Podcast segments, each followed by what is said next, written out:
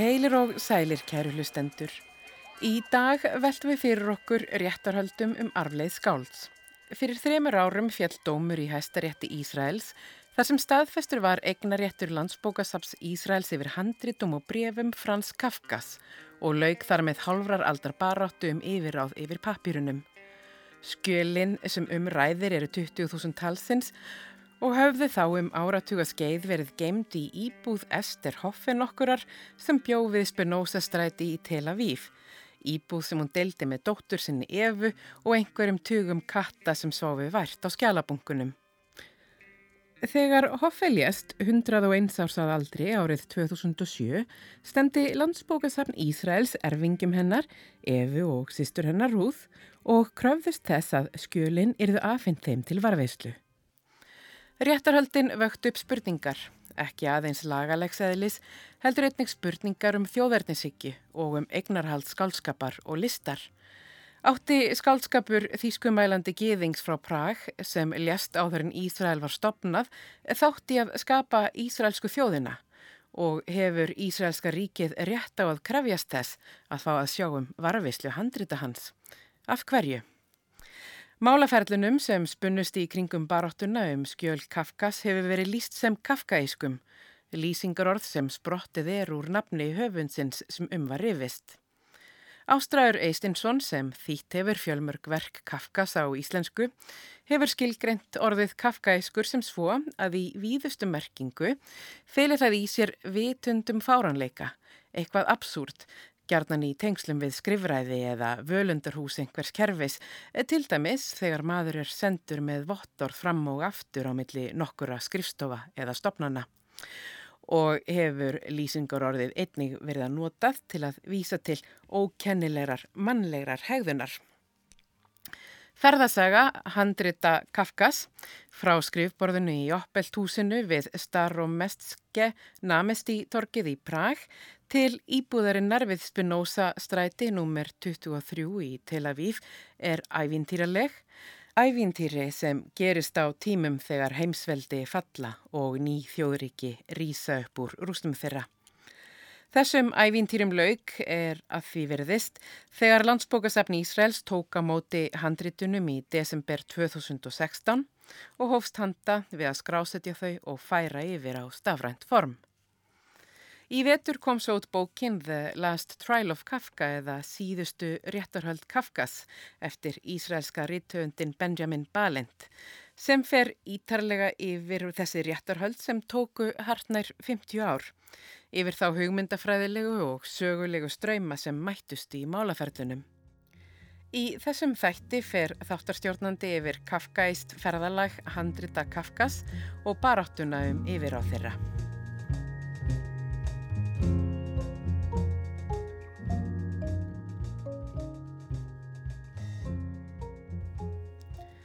Frans Kafka lést í fangi ástkonu sinnar þann 3. júni 1924 aðeins færtugur af aldri. Þegar Kafka lést naut hann yngrar fræðar. Hann hafði engin verlun eða viðurkenningar hlotið fyrir skrif sín og engin skálsaga hafði komið út eftir hann, aðeins nokkrar smásugur í þremur smásagnaðu söpnum. Bækur hans höfðu hlotið litla aðtegli. Til dæmis hafði aðeins einn rítumur verið skrifaður um annað smásagnasapn hans, Sveitalæknin sem kom út 1919. Kafka lést úr berglum á heilsuhæli í Vínarborg, svalt til dauða þar sem hann gati ekki lengur kingt mat og læknisfræðin hafði ekki enn fundið upp á leið til að koma næringu í fólk, beint ofan í maga. Viku setna var hann grafin í heimaborg sinni Prag.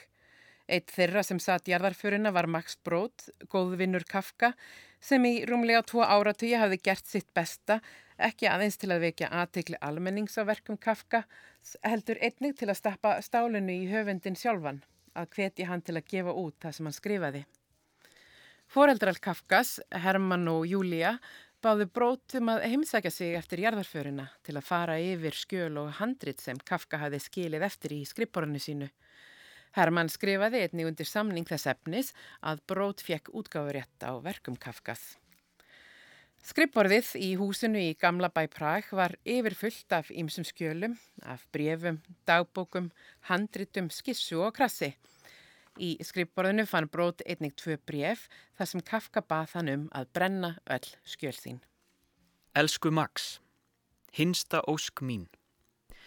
Allt sem ég skil eftir mig í formi glósubóka, handrita, brefa, bæði þeirra sem ég hef skrifað sem og aðrir, skissur og svo framvegis skal brenna án þess að það sé lesið til síðustu síðu. Þetta á einni við öll skrif mín eða glósur sem þú kant að hafa í fórum þínum eða aðrir og skalt þú byggja þá um þau í nafni mínu. Bref sem eru ekki gefin í þínar hendur skulu vera brend af þeim sem hafa þau. Þinn Kafka. Í hinu brefinu sem Bróð fann í skrippborðinu endur tók Kafka þess á ósk sína um að öll skjöl hans skildu brend með nánari útlistun á þeim verkum sem höfundur hafði þegar gefið út og taldi þess virði að yrði varðveitt. Ímis skjöl Kafkas hafði þegar verið brend af ástkonu hans Dóru Díamant á meðan hann lá banaleguna á heilsuhælunu í Vín. Hann langaði til að brenna allt sem hann hafi skrifað til að frelsa sále hans frá draugum, sagði Díamant setna. Ég virti óskir hans og, þegar hann látið vona, brendi ég hluti sem hann átti fyrir framann hann. Þetta var ekki í fyrsta skipti sem að Kafka hafði beðið brótum að brenna verk sín.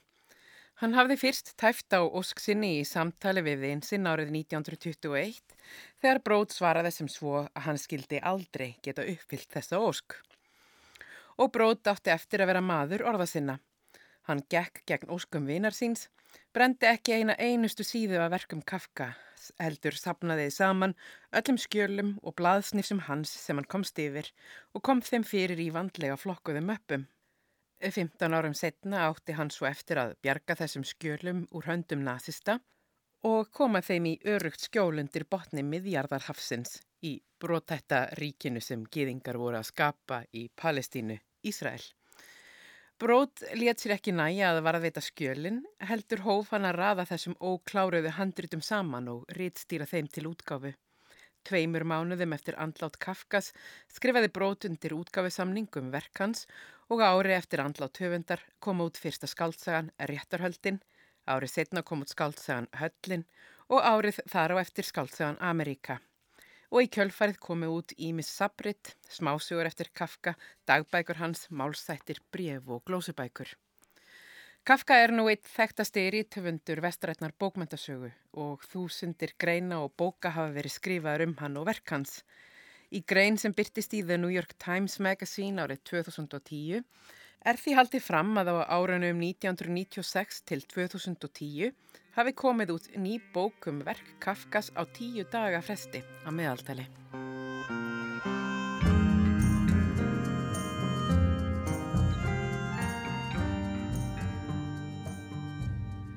Max Brod lést árið 1968 í Tel Aviv í Ísrael og hafði helgað æfi sína verkum vinar síns Frans Kafka að tryggja útgáfu þeirra og halda utanum skjölhans.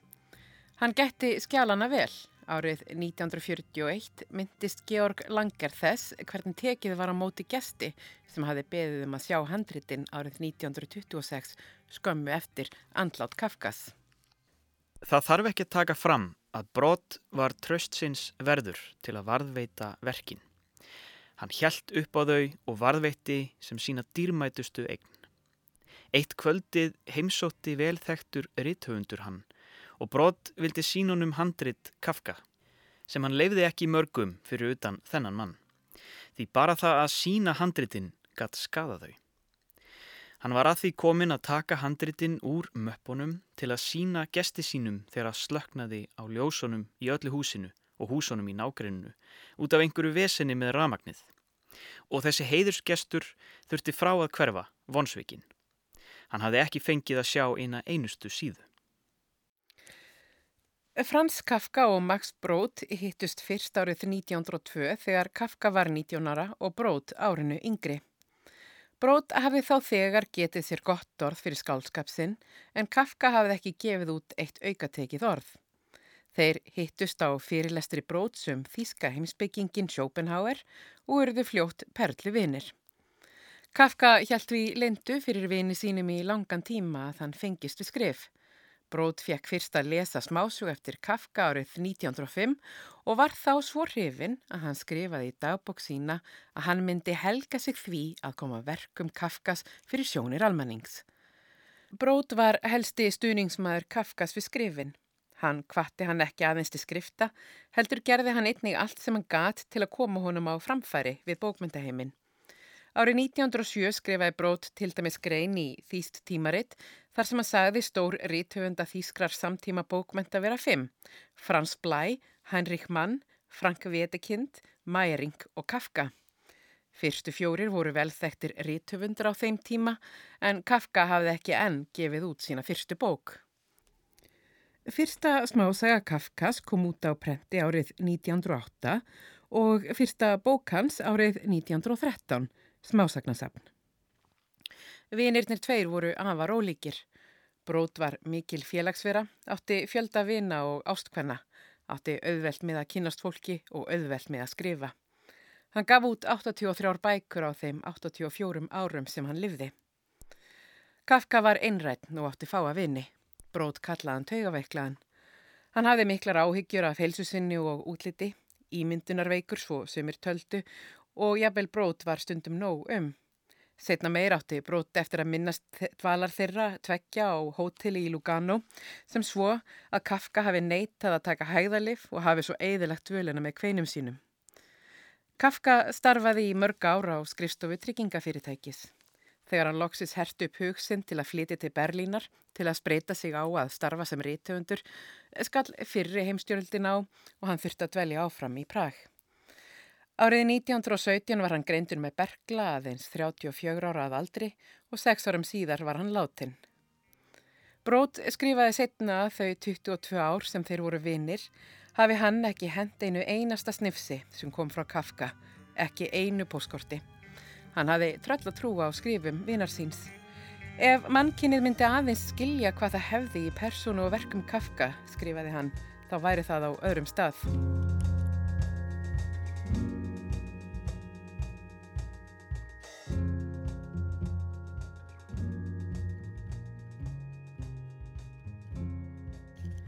15 árum eftir að Kafka lést, að kvöldi þriðju dagsins 14. mars 1939, stóð Max Brod, þá 54 ára gammal, á samt eiginkonu sinni Elsu á lestarstöðun í Prag.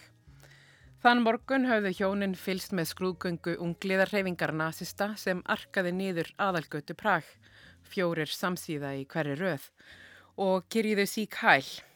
Þetta sama kvöld kallaði Hitler forsetta Tjekkoslovakju Emil Hacha á skrifstofu sína í Berlín. Við fætur bróts var ferðataska úr leðri sem var stút full af handritum Kafkas, af dagbókum hans, ferðasögum, smásögum, brefum og jafnvel glósubókum þar sem hann hafi skrifað niður glósur úr hebreyskunámunu. Lest brót hjónana hjælt að stað frá lestarstöðun í Prag klukkan 11 um kvöldið Kerði á teinum í gegnum landsæði sem þýski vermakterinn var nýbúin að hernema og stansaði við pólsku landamærin klukkan fjögur morgunin eftir þar sem brót fyldist út um klukkan með þýsku hermununum sem nú stóðu vaktina við landamærin. Eitt þeirra var afar fallegur, saði brót síðar. Myndi hann á stittu af romverskum hersveitarmanni. Ég veit ekki af hverju þessi sjón olli mér engum óta Ég held að það hafi verið vegna þess að ég var svo þreyttur, svo sepp vana, hjælt eiginlega að mig væri að dreyma. Annars átti brót ekki eftir að líta oft út um klukkan í þessari ferð. Ég tók augun varla af ferðartöskunni, skrifaði hann. Lestin sem brótjónin tóku var síðasta lestin sem var hleyft yfir landamærin til Póllands. Þegar þau stigu út úr lestin í Kraká sáu þau forsýður dagbladana. Tjekkoslovakia var ekki lengur til.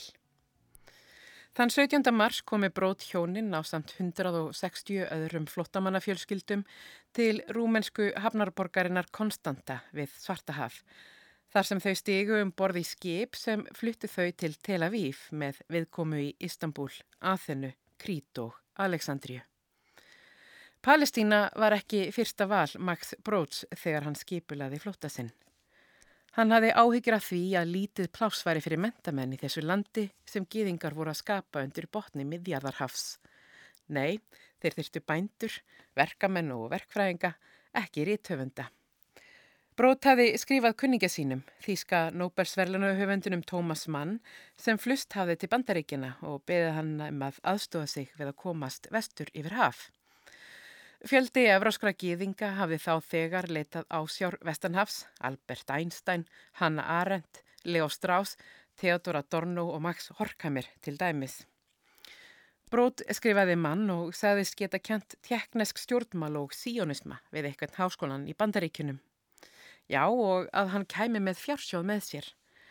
Að hann kæmi með skjálasafn Frans Kafkað þar á meðal áður óutgefin verkans. Að hann gæti stopnað Kafkasafn í bandaríkunum. Mann tókst að útvega brót stöði við háskóla í Cincinnati í Ohio en bref þess efnis hafði ekki borist brót þegar hann þurfti að leggja á flótta frá Prag og varð Palestína þá fyrir valinu.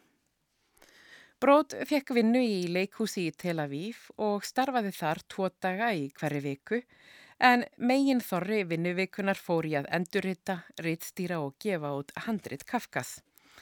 Hann sá ekki aðeins um útgáfiverkanna, heldur skrifa hann einning nokkrar bækur um æðiferil og verk Kafkas. Til hliðar við umsýsluna í kringum skjöl Kafkas samti brót einnig skáltsugur og leikverk en átti þó erfitt með að fóta sig í menningarheimi nýja Ísraelsríkis. Brót skrifaði nefnilega á þýsku, tungumáli sem var fyrirlitið í Ísrael eftir setni heimstyrjöldina. Brót hafði hafið nám í hebresku á samt vini sínum Kafka á fyrsta áratug aldarinnar. Kafka átti auðvelt með að læra tungumálið en hann sjálfur náði aldrei nægilega góðum tökum á því að hans mati. Hann átti sérstaklega erfitt með að læra hebreska letrið, skrifaði hebresku með rómanska stafrófunu og lasað öfugt frá vinstri til hægri. Það allir töluverði fjadrafóki þegar Brót fekk bíaleik bókmentaveluninn árið 1948 þegar hann hafi verið búsettur í landinu í áratug fyrir sögulegu skaldsugu sína Galilego í hlekkjum. Bíalik-verlunin eru eldstu hebrisku bókmentavelunin nefnd í höfuðið á skaldinu Hæm Bíalik. Við verlunafendinguna saðist brót vera eitt þeirra svona sem snúið hefur aftur til heimalandsins og tilengaði hann skaldsuguna fólkinu sínu sem þessa dagana berst fyrir frelsunu. Ekki tóku allir þessari tilengun vel. Nokkrum dögum síðar byrtist bref sem skrifað var af formanni hebresku rítufundasamtakana þar sem hann fordæmdi velunafendinguna. Sagði að verk sem skrifað væri á þýsku mætti aldrei hljóta verlun sem ætlað væri hebreskum bókmyndum. Góðvinnir bróts voru hjónin Otto og Ester Hoffe sem einnig hafði flust til Ísraels sem flottamenn frá Tjekkoslovækju. Hoffehjónin hafðu lagt á flótta árið 1940 með tvær ungar dætur sínar, Rúð og Efu.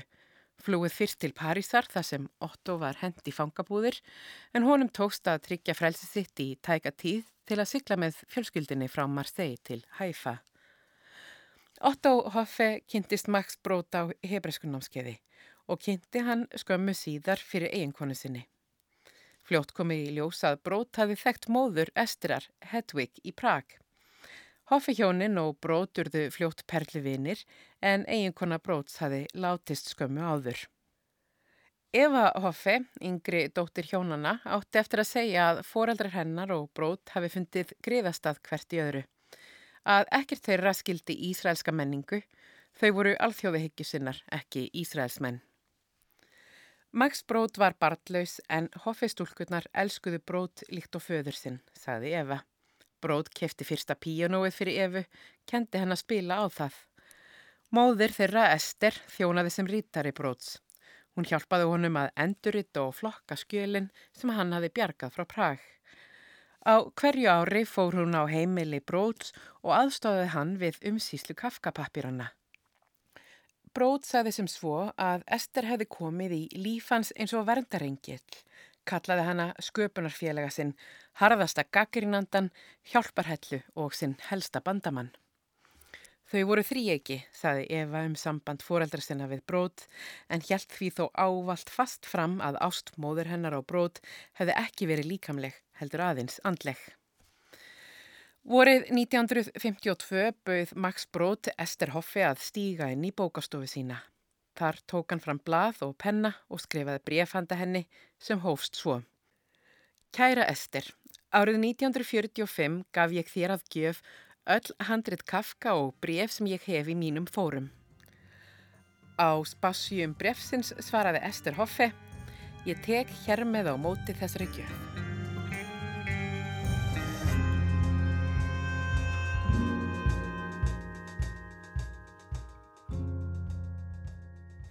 Max Brod lést 20. desember 1968, 84 ára að aldri. Ester og dóttir hennar Eva skiptust á að sitja með Brod á banarlegunni. Ester tók dagvæktina frá sjö á morgni til sjö á kvöldin og Eva næturvæktina sjö á kvöldin til sjö á morgni. Í erðaskrafsinni sem dagsett var 1961 hafði Brod tilnemt Ester Hoffe sem engaerfingja sinn og skiptastjóra og látið í ljós ósk sína að hún gæfi bókmæntaverk sín hebreska háskólanum í Jérúsalem, borgarbókasafni í Tel Aviv eða einhverju öðru safni í Ísrael eða Erlendis og let það í hendur Hoffe að ákveða hvaða stopnun yrði fyrir valinu og með hvaða skilmálum. Árið 1969 úrskurðaði hérastómur í Tel Aviv að Ester Hoffe væri skiptastjóri í búi Bróts og hún flutti skjöl Kafka sinni íbúð sína við Spinoza stræti þar sem hún bjó með dóttur sinni Evu og köttum sem voru á bílinu 40 til 100 að sögn nágranna hennar. Þar lágu sum skjölin næstu hálfa öldina en öðrum var komið fyrir í bankahólfum í Tel Aviv og Súrik sem aðeins Hoffe hafði líkilin að. Fimm árum eftir andlát bróts fóru yfirvöldi í Ísrael að hafa áhyggjur af því að Hoffe var að selja skjöl Kafkas úr landi. Þau kerðu erðaskrána til hér á stóms en kærunni var hafnað og staðfesti dómari að Ester Hoffe hefði fullan rétt á að gera það sem hún vildi við bókmyndaverkin sem hún erði frá brót á meðan hún livði. Yfirvöld lítu þessum úrskurði en fyldust þó vel með Hoffe. Ísraelsk safnalög frá árinu 1955 segja til um að landsbókaverður geti hindrað útflutning menningarverðmæta frá Ísrael og útflutningur menningarverðmæta er gerður glæpsamlegur. Árið 1974 var Hoffe handtekinn á flugvellinum í Tel Aviv undir grunum að reyna að smigla handrittum úr landi en í fórum hennar fundu staðins ljósritt, engin frumritt. Eitt brandarinn sem gekk um í Ísrael á 8. áratögnum hljóðaði þessum svo. Hvað er það versta sem þú getur sagt þegar öryggisförður á Tel Aviv flugvellinum spyr hvort þú hefði pakkað farangrunum þínum sjálf? Nei, Ester Hjálpfe hjálpaði mér að pakka. Árið 1988 setti Ester Hoffe frumhandrit Kafkas að réttarhöldunum á sjölu við Sotheby uppbóðshúsið í Lundunum.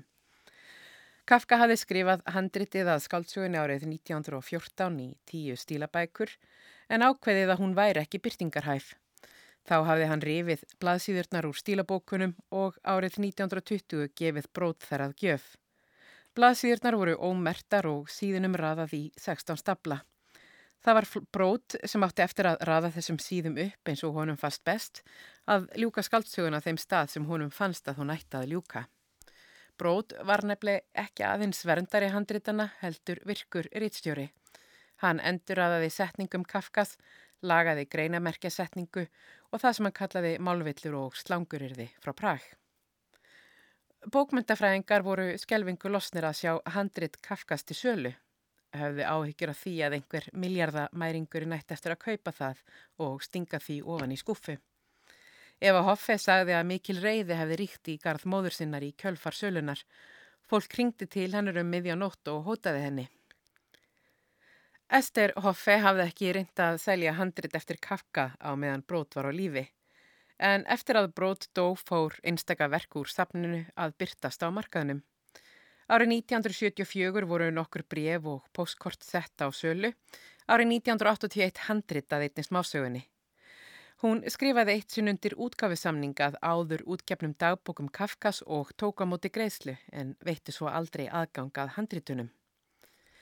Mikil spenningur ríkti í aðdraganda sölunar á réttarhöldunum 1988 Sotheby's fór mér handritið í síningarferð til New York, Tokyo og Hong Kong svo fólk sem hefði áhuga á að kaupa geti auðveldlega litið það augum.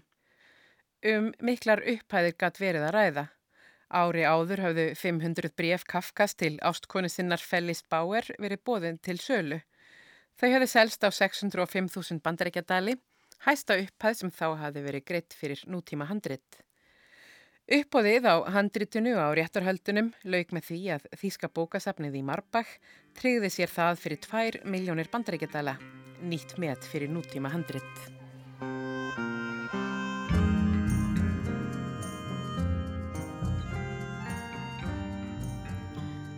Ester Hoffe lést árið 2007, 101 árs að aldri.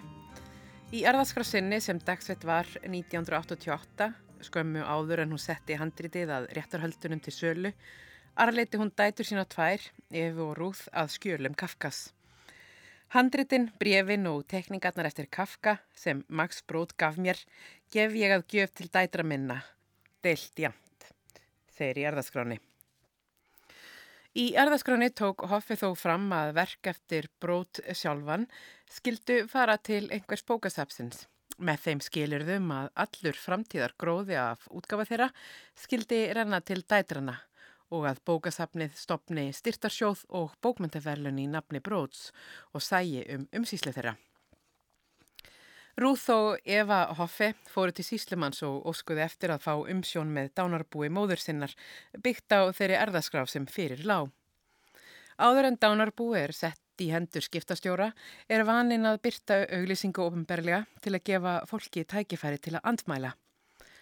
Mær Heller, lögfræðingur landsbókasaps Ísraels, lísti spenningnum sem greip um sig á bókasapnunu þegar það var ljóstað erðaskrá Ester Hoffe hafði verið auglýst til samþyktar.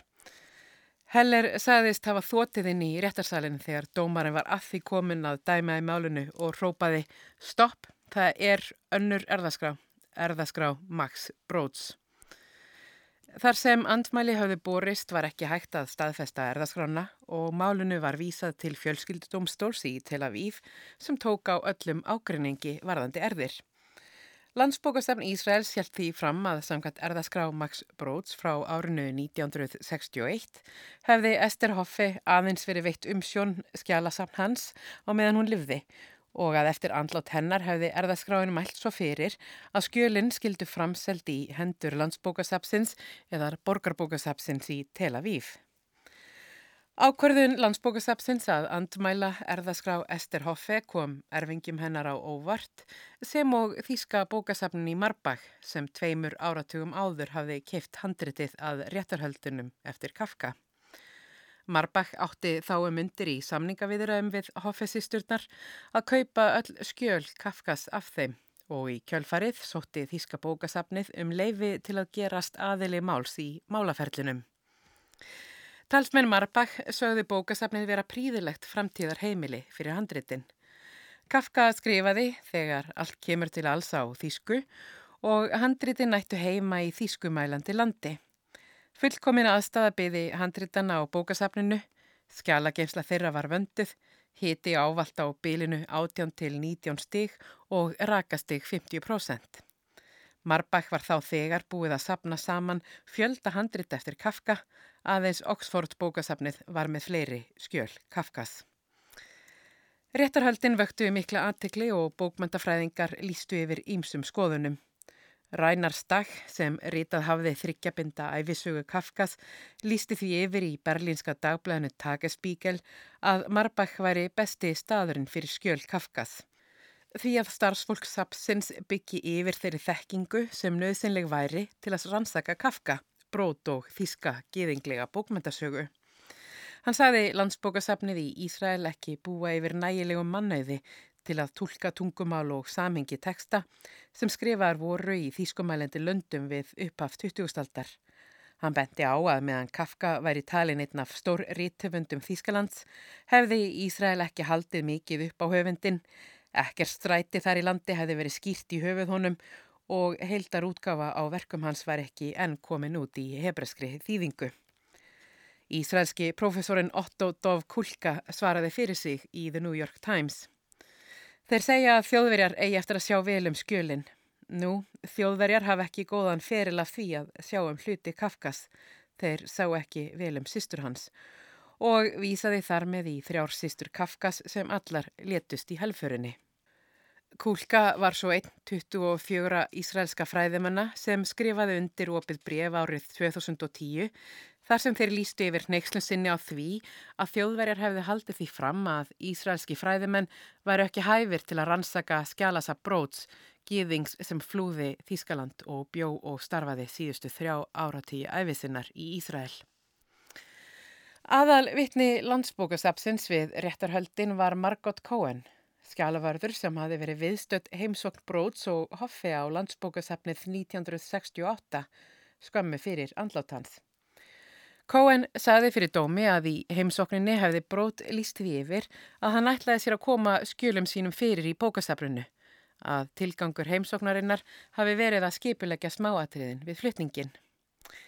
Hún gekk svo lengra í bladaviðtal eftir réttarhöldin og sagði þá að Ester Hoffe hefði staðið við hlið bróts alla heimsóknina og þegar hún hefði reyndað að útskýra hvernig skjálasafninu myndi háttað á safninu þá hefði Hoffe aldrei leift brót að tala. Cohen heimsótti svo Ester Hoffe árið 1982 erindreki landsbókasafsin sem reyndi þá að ná sáttum við Hoffe sem hafði verið dæmdur réttur handhafi skjálasafsins. Ég var undrandi þegar ég sá að bunkar af skjölum og möppum lága á víð og dreif um íbúðuna, sagði hún. Á næstum hverjum einasta bunka satt einhver hinn að ótal katta sem voru í íbúðinni. Það var engin staðið til að sitja og það var erfitt að anda. Ég hafði þá tilfinningunni að frú Haffe hefði lítinn áhuga á að flytja skjálasafni til bókasafsins og að lokum gerði hún það ekki. Hún gerði ekki það sem brót vildi að hún gerði. Eva og Ruth Hoffe heldu aftur á móti því fram fyrir domstólnum að tilraun landsbókasapsins til að fá skjölinn til varveislu væri rán, tilraun ríkisins til að gera engaegn að þjóðaregn. Þetta sögðu þar ekki verið við hæfi í líðræðis ríki eins og Ísrael.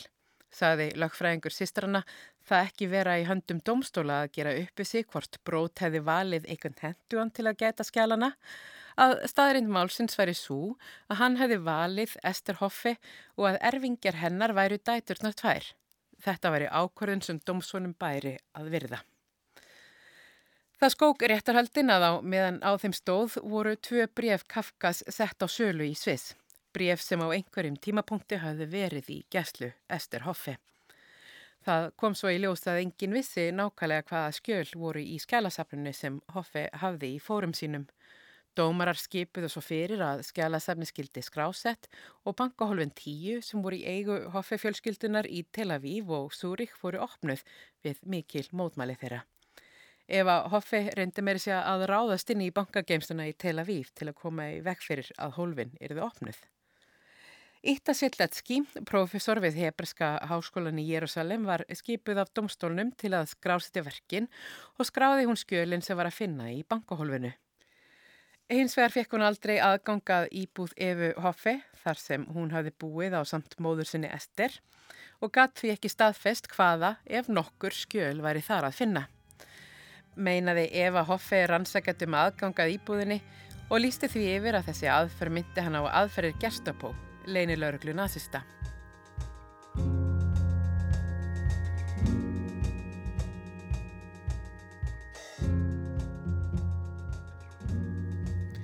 Árið 2012 lést önnur sýstirinn Rúð 80 ára að aldri úr krabbamenni og kentu bæði Eva og dætu Rúð Ísraelskum yfirvöldum um andlátið.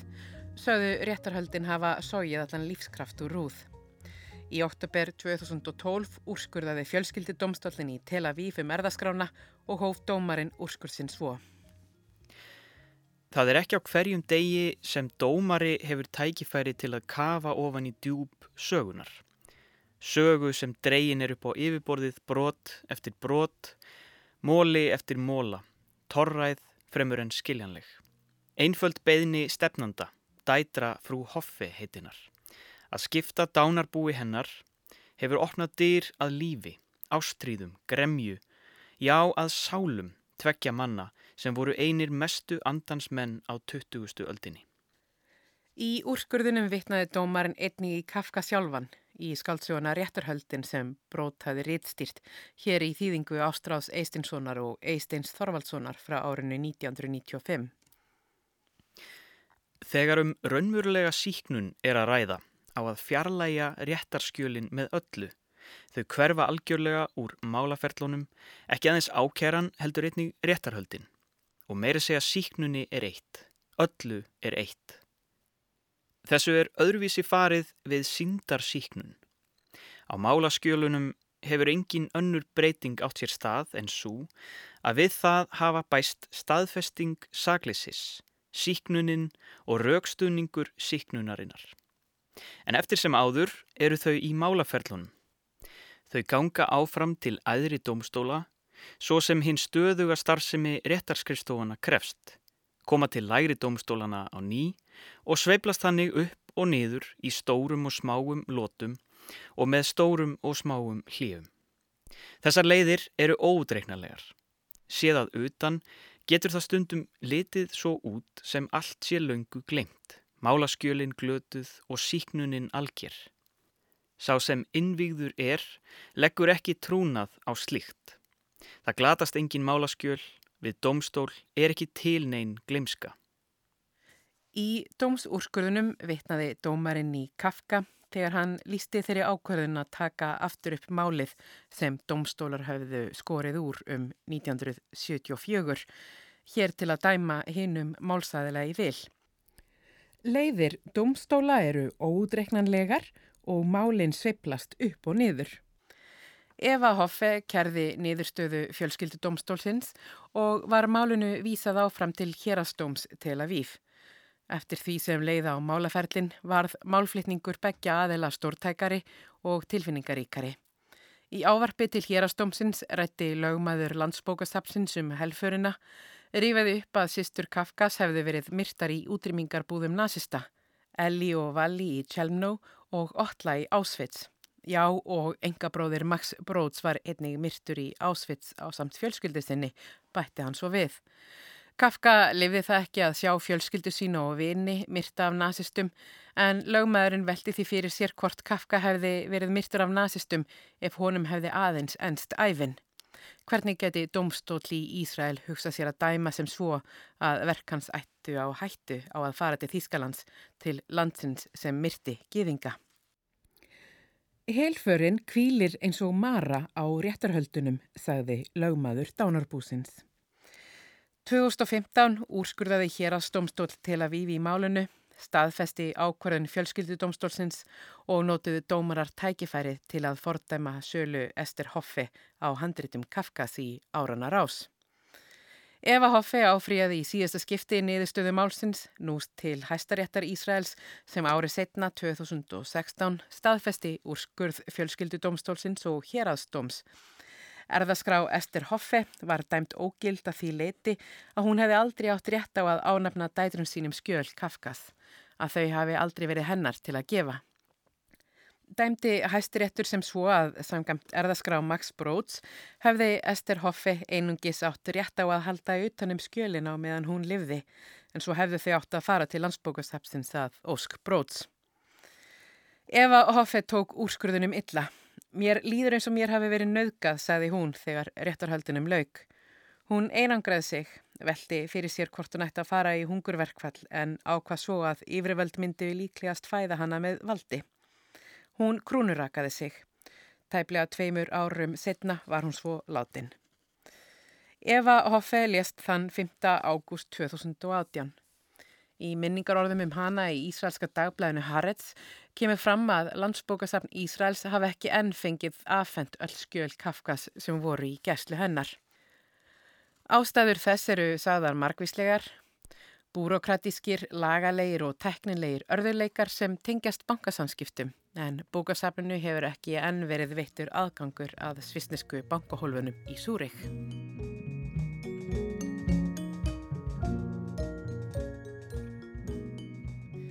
Fyrstu kassarnir með skjölum Kafka voru fluttir á landsbókasafnið í Brynvörðum bíl þann 15. desember 2016. Benjamin Balint sem skrifaði um málaferlin í bóksinni Kafkas Last Trial eða síðustu rétturhöld Kafka sem kom út 2018 var viðstattur þegar vopnaðir verðir fylgdu kassunum inn í skjálagefslur landsbókasafsins og bókaverðir opnuðu þá í fyrsta sinn. Balint myndist orða Ræners Stags, eins helsta æfisugur í töfundar Kafkas, sem sagði að það fyndist ekki eitt augnablík í lífi höfundar þar sem hann hafi sínt heimtufreki eða ráðriki. Ólíkt Kafka bendir Balint á þá síndur allir þeir sem töldu sig vera erfingja Kafkas ráðriki. Allir vildu kasta eigg sinn á skjölinn sem Kafka hafði sjálfur beðið um að yrði brönd. Balint veltir fyrir sér af hverju landsbókasafn Ísraels lagðist svo fast að því að fá skjöl Kafkas í sínar hendur. Ísraelskir mentamenn hafði í ára tíu sínt sinnuleysi að rannsaka menningar arf gýðinga sem skrifaður var á þýsku, jafnvel fyrirlitningu. Balint veltir fyrir sér hvort það sé merkju um kynnslóðabili í Ísrael að þegar þeir sem lifiðu af helfurina sé að hverfa og geta ekki lengur borið vittnu um glæpi þjóðverja hafi áhugi Ísraelsmanna á þýskri menningu aukist. En hann telur þá útskýringu hæfna. Balind leggur til að við leitum svara við þessari spurningu í skjölum Kafkas sem í brefi til vinarsins skrifaði eitt sinn. Hinn ótrygga staða gýðinga, óöryggi þeirra með sjálfa sig, óöryggi sem þjóð, útskýrir betur en nokkuð annað af hverju þeir gætu haldið að þeir eigi aðeins það sem þeir hafa í höndum sér eða milli tanna sinna. Af hverju það séu aðeins haldbærar eignir sem gefi þeim tilverurétt og af hverju að þegar þeir hafa mist eitthvað sé það aldrei endurheimt heldur hverfið það þeim sjónum að eilífu. Hver er það eiginlega sem á Kafka? Nú, hæstiréttur Ísraels hefur að minnstakosti úrskurðað að skjöl Kafkas sem Max Brot bjargaði séu eigu Ísraelska ríkisins varðveitt í landsbókasafninu. Þetta er úrskurður sem flestir geta unað við. Þíska bókasafnið í Marbach ítti ekki fast á eftir því að fá að kaupa skjálasafnið eftir því sem áleið málaferlinn. Árið 2012 hafði yfirbókavörðu Sapsins hætt afskiptum af réttarhöldunum eftir að hluti fjármaksin sem honum hafði verið lofað var dreyið tilbaka. Alfríd Krúp von Bólen und Halbach stopnuninn hafði lofað stórum styrk til að skanna inn kafkaskjölinn og gera þau aðgengilega á veraldarvefnum. En í kjölfar réttarhaldana fóru bladamenn að grúska ofan í fyrirhauguð kaup Marbach Sapsins og þá kom í ljós að Alfríd Krúp, stopnandi sjóðsins, hafði verið dæmtur fyrir glæpi gegn mannkynni árið 1948 í Núrberg. Hafði hann notað fanga í útrýmingarbúðum sem þræla í vopnaverksmiðum sínum. Dró stopnunin vilirði sitt fyrir styrk tilbaka, vildi ekki fjármagna það að Þísk stopnun kefti skjöl sem Ísraelsk yfirvöld vildu halda innanlands. Þjóðverjum var þó mikið í mun að fá skjöl Kafkas til varðveislu innan landamæra sinna. Á eftirstrís árunum jógst vegur Kafkas til munna. Hann er nú talin eitt af líkil skaldum þýskra bókmenta. Þýskumælandi gýðingurinn frá Prag sem var fyrir aðkasti og gýðingahatri þegar hann heimsótti höfuðborgina Berlín ávall sem gestur. Og hvað hafi Tjekkland að segja um málaferlin spyr Balent sig í bóksinni. Kafka er, þegar allt kemur til alls, sonur Prag, fættur í Prag, grafin í Prag og bjóð þar nokkurt megin alla sína æfi. Fyrstu þýðingar á verkum Kafkas fóru yfir á teknisku. Fyrsti kaplin í skaldsugunni Ameríku kom út á teknisku árið 1920. Réttarhöldin árið 1923. Fyrsta doktorsríkjerinn sem skrifið var um Kafka var skrifið við Tjarlsháskólan í Prag árið 1939. Eftir setni heimsturjöldina var Tjekkland undir yfiráðum sovjetmanna. Kommunista yfirvöldi í borginni bönnuðu útgafu á verkum Kafkas. Verk hans voru því lítið þekkt fram til ársins 1963 þegar marsískir mentamenn sem byggu í Austantjálsríkunum hittust á ráðstefni í Prag þegar 80 ár voru liðin frá fæðingu höfundar. Í kjálfarið jóst Rjóður Kafkas Austanjártjálsins og fólk fór að lesa hann á ný. Sumir telja að verk Kafkas hafi verið uppspretta uppreysnarinnar sem átti sér stað gegn Sovjetríkunum í Tjekkoslovaki árið 1968. Árið 1968 hernundi sovjetmenn landið mitt, skrifaði Milan Kundera, til að snúa niður uppreysnina. Það voru sovjetmenn sem sögðu fyrstu merki uppreysnarinnar í Tjekkoslovaki vera endurist Kafkas. Þetta hljómar kannski sem fásina en er minna heimskulegt og frekar veigamikið því verk Kafkas eru talin standa fyrir þau grunngildi sem tjekkneskir mentamenn reyndu að verja fyrir allræðis fávisku, saði Kundera. Hverjar þjóðar var Kafka? Frans Kafka var gýðingur, fættur í Prag, borg sem tilherði austurísk-ungverska keisaradæmunu þegar hann fættist og líðveldinu Tjekkoslovaki þegar hann lést. 15 árum eftir andlátt hans var Prag komin undir hendur þriðjaríkisins og svo sex árum síðar Sovjetríkjana. Kafka talaði ekki tjekknusku heldur þýsku. Tilherði sem sagt minnilutahópi geðinga, í minnilutahópi þýskumælandi íbúa, í minnilutahópi tjekka innan hins risastóra austur-ungverska keisaradæmið. Hver er ég? spurði Kafka sjálfan sig í brefi til unnustu sinnar Felice Bauer í oktober 1916 þar sem hann veldi fyrir sér tveimur greinum sem skrifaðar hafði verið um skálskap hans, önnur þeirra eftir Max Brod, vin hans og skjálaverð. Vilt ekki segja mér hver ég er, spyr Frans Kafka. Í síðasta hefti Nói Rúnsjá er sagt að í grundvallar atriðum sé eitthvað þýst við frásagnarstýl höfundar. En í grein Max er aftur á móti sagt að sögur kás sjöu meðal típiskustu frásagna gýðinga á okkar tímum. Erfitt tilfelli líkur Kafka brefi sínu. Er ég knapi í sirkusnum sem rýður tveimur hestum? Því miður þá er ég engin reyðmaður, heldur ligg ég killiflatur á jörðinni.